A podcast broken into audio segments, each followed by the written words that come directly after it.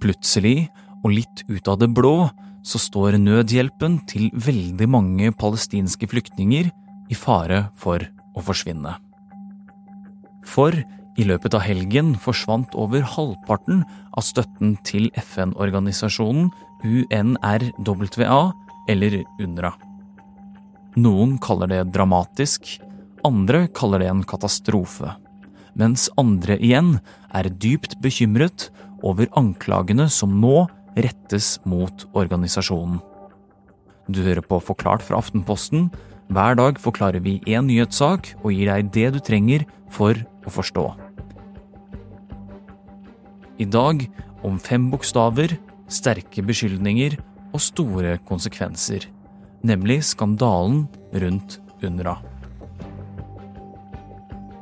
Det er tirsdag 30. januar, og mitt navn er Philip A. Johannesborg.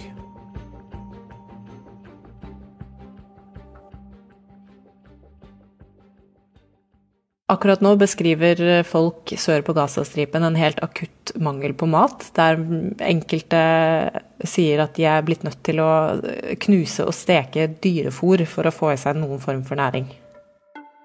Hanne Christiansen er Midtøsten-korrespondent her i Aftenposten. Hvordan er egentlig situasjonen for folk flest på Gazastripen nå? Det er vanskelig å beskrive eh, nesten hvor ille det er nå for eh, sivilbefolkningen eh, på Gazastripen. Eh, vi har jo hørt i mange uker og måneder nå om den eh, veldige mangelen på mat og rent drikkevann. Eh, sykehusene er fullstendig på randen av kollaps, de, de få sykehusene som faktisk fortsatt opererer. Um, og uh, nå er det jo i tillegg uh, midt på vinteren, sånn at værforholdene er kalde og våte. Uh, og gjør det for de veldig mange menneskene som nå bor i telt, utrolig vanskelig å overleve dag til dag. Mye av den nødhjelpen som faktisk kommer inn, den kommer fra ett sted, nemlig The United Nations Relief and Work Agency, eller UNRWA, på kort kalt UNRWA. UNRWA er eh, FNs hjelpeorganisasjon for palestinske flyktninger i Midtøsten. Eh, det er en organisasjon som har eksistert like lenge som konflikten. Eh, og er det byrået som står for den humanitære hjelpen i Gaza. 80% av nødhjelpen i Gaza kommer fra denne FN-organisasjonen. Hva gjør UNRWA for noe? I tillegg til å forsyne befolkningen med nødhjelp, så driver også UNRWA flere hundre skoler i Gaza og deler av helsevesenet. Det er også den eneste organisasjonen som tilbyr det som ligner statstjenester for flyktningene. Eh, og det er vel den eh, en av de største arbeidsgiverne eh, i Gaza etter Hamas og den palestinske selvstyremyndigheten. Eh, så UNRWA er også veldig viktig i eh, sysselsettingen av palestinere i Gaza. Palestinerne har alltid vært avhengig av UNRWA for å overleve, og det var viktig før 7.10. Men etter at krigen brøt ut, så er eh, UNRWA blitt viktigere enn noensinne før. Men nå har flere land bestemt seg for å stoppe støtten til UNRWA. For Israel anklager tolv ansatte i organisasjonen for å ha hjulpet til da Hamas angrep den 7. oktober. Hva handler det om? Og hva skjer med dem som bor på Gazastripen nå?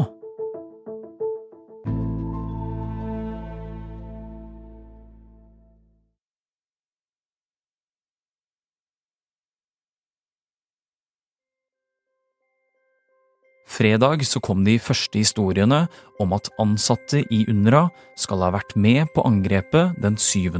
oktober. Den dagen ble 1200 mennesker drept og mange voldtatt og kidnappet. Og over 100 israelere blir fortsatt holdt som gisler. Hva er det de UNRWA-ansatte er anklaget for å ha gjort, Hanne? Her er det lite som er offentlig kjent. Eh, men eh, det vi vet, er at Israel anklager til sammen tolv UNRWA-ansatte for å ha på ulike måter deltatt i angrepene mot Israel den 7. oktober. New York Times skriver at de har sett en mappe med de konkrete anklagene som israelske myndigheter har delt med amerikanske etterretning. Eh, og Der beskrives bl.a. en rådgiver på en skole sør, Gaza, eh, sør på Gazastripen som anklages for å ha deltatt i en kidnapping av en israelsk kvinne sammen med sønnen sin. Eh, en annen skal ha delt ut ammunisjon, mens en tredje blir anklaget, for å ha deltatt i selve massakrene inne i Israel den 7. oktober. Vi vet ikke så veldig mye mer om det, men dette er altså noen av detaljene som kommer frem i, i artiklene i New York Times.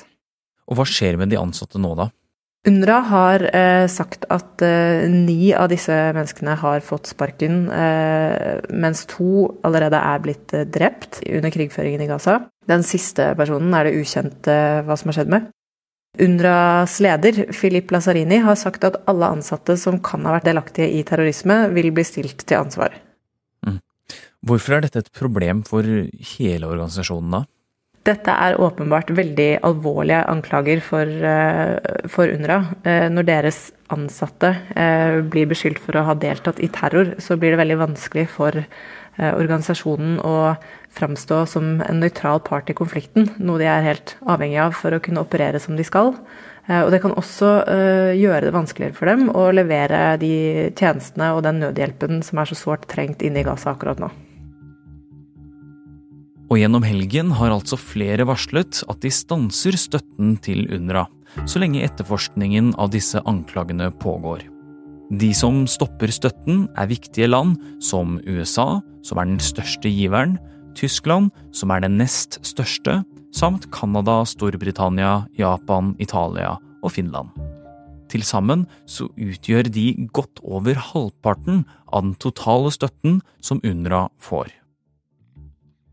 De landene som har sagt at de vil eh, kutte støtten til UNRWA nå, de sier at de er eh, opprørt og sjokkert over eh, beskyldningene Israel kommer med.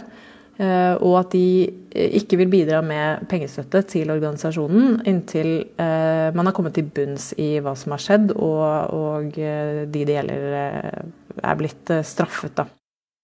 Men Norge vil ikke stoppe støtten til UNRWA. Hva begrunnes det med? Nei, Norge har vært veldig tydelig på at de kommer til å fortsette å støtte UNRWA. Eh, og utenriksminister Espen Barth Eide eh, sa på søndag at eh, han mener det er fordi det er viktig å skille mellom hva enkeltpersoner kan ha gjort, og hva UNRWA som organisasjon faktisk står for. Selv om Norge støtter etterforskningen av anklagene som har kommet, så advarte Espen Barth Eide om den humanitære krisen som det vil utløse dersom kuttene i bistanden fortsetter og UNRWA eh, ikke, ikke, er i stand til å levere det lille som kommer inn av, av nødhjelp. Eh, og hvor mange mennesker i Gaza da, som da ikke vil få den hjelpen de trenger.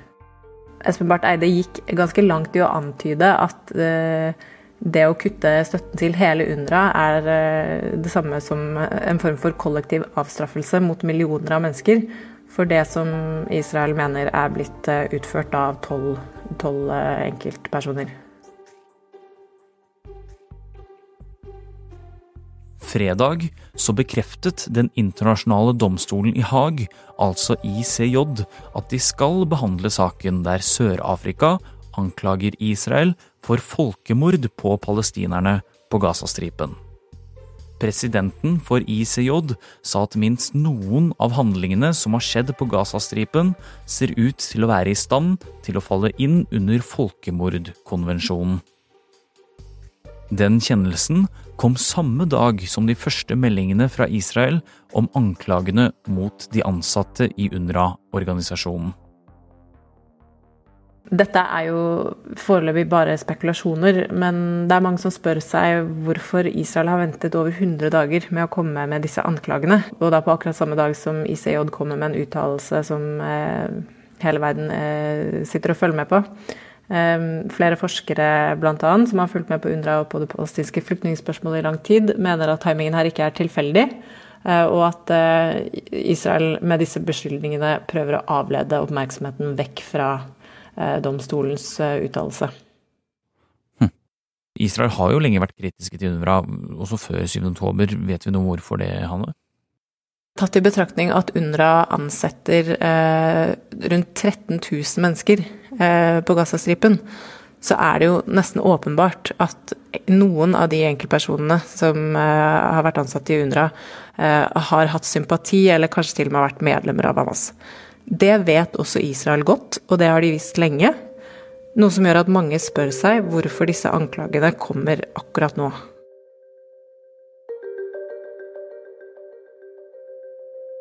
Israel og UNRWA har hatt et eh, svært dårlig forhold i mange år.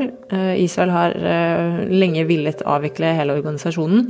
De mener den er antisemittisk og beskylder UNRWA for å bidra til å opprettholde konflikten, bl.a. ved å videreføre palestinernes status som flyktninger. Det bor jo svært mange palestinske flyktninger utenfor Israel, bl.a. i Libanon, Syria og Jordan. Og de Eh, ønsker jo som del av den palestinske motstandskampen å, kunne returnere til uh, sine landsbyer og byer inne i Israel. Denne returretten som man ofte snakker om uh, når man snakker om konflikten i Midtøsten.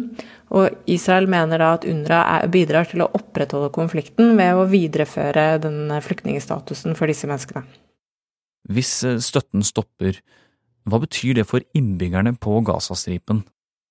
UNRWA har vært eh, under veldig stort press i flere år allerede. Trump trakk jo bl.a. Eh, støtten til UNRWA da han var president, og hvert år siden så har eh, organisasjonen slitt med å sikre de midlene de trenger for å holde operasjonene sine i gang. Sånn at det er ikke noe ekstra i kassen her hvis støtten til UNRWA stopper og fortsetter å holdes igjen av land som USA og Storbritannia og de andre landene som har sagt at de de nå holder igjen støtten, så går det veldig fort tomt. Og da vil situasjonen på Gazastripen gå fra vondt til verre. Basert på de beskrivelsene vi får fra Gaza allerede nå, så kan man jo bare se for seg hvilken katastrofe det vil utløse. Tilgangen på mat, vann, medisiner og annen livsviktig nødhjelp vil rett og slett ikke komme frem. Når vi allerede nå hører fra folk at de er nødt til å spise dyrefôr for å overleve, så er jo ikke veien så fryktelig lang før man kan se for seg at palestinerne begynner å dø av sult.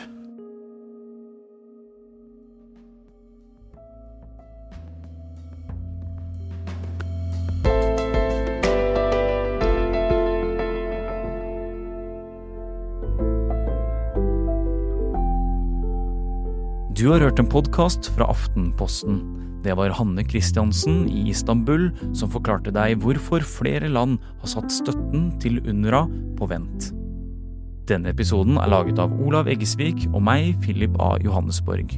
Resten av Forklart er Heidi Akselsen, David Vekoni, Synne Søhol, Fride Næss Nonstad og Anders Weberg.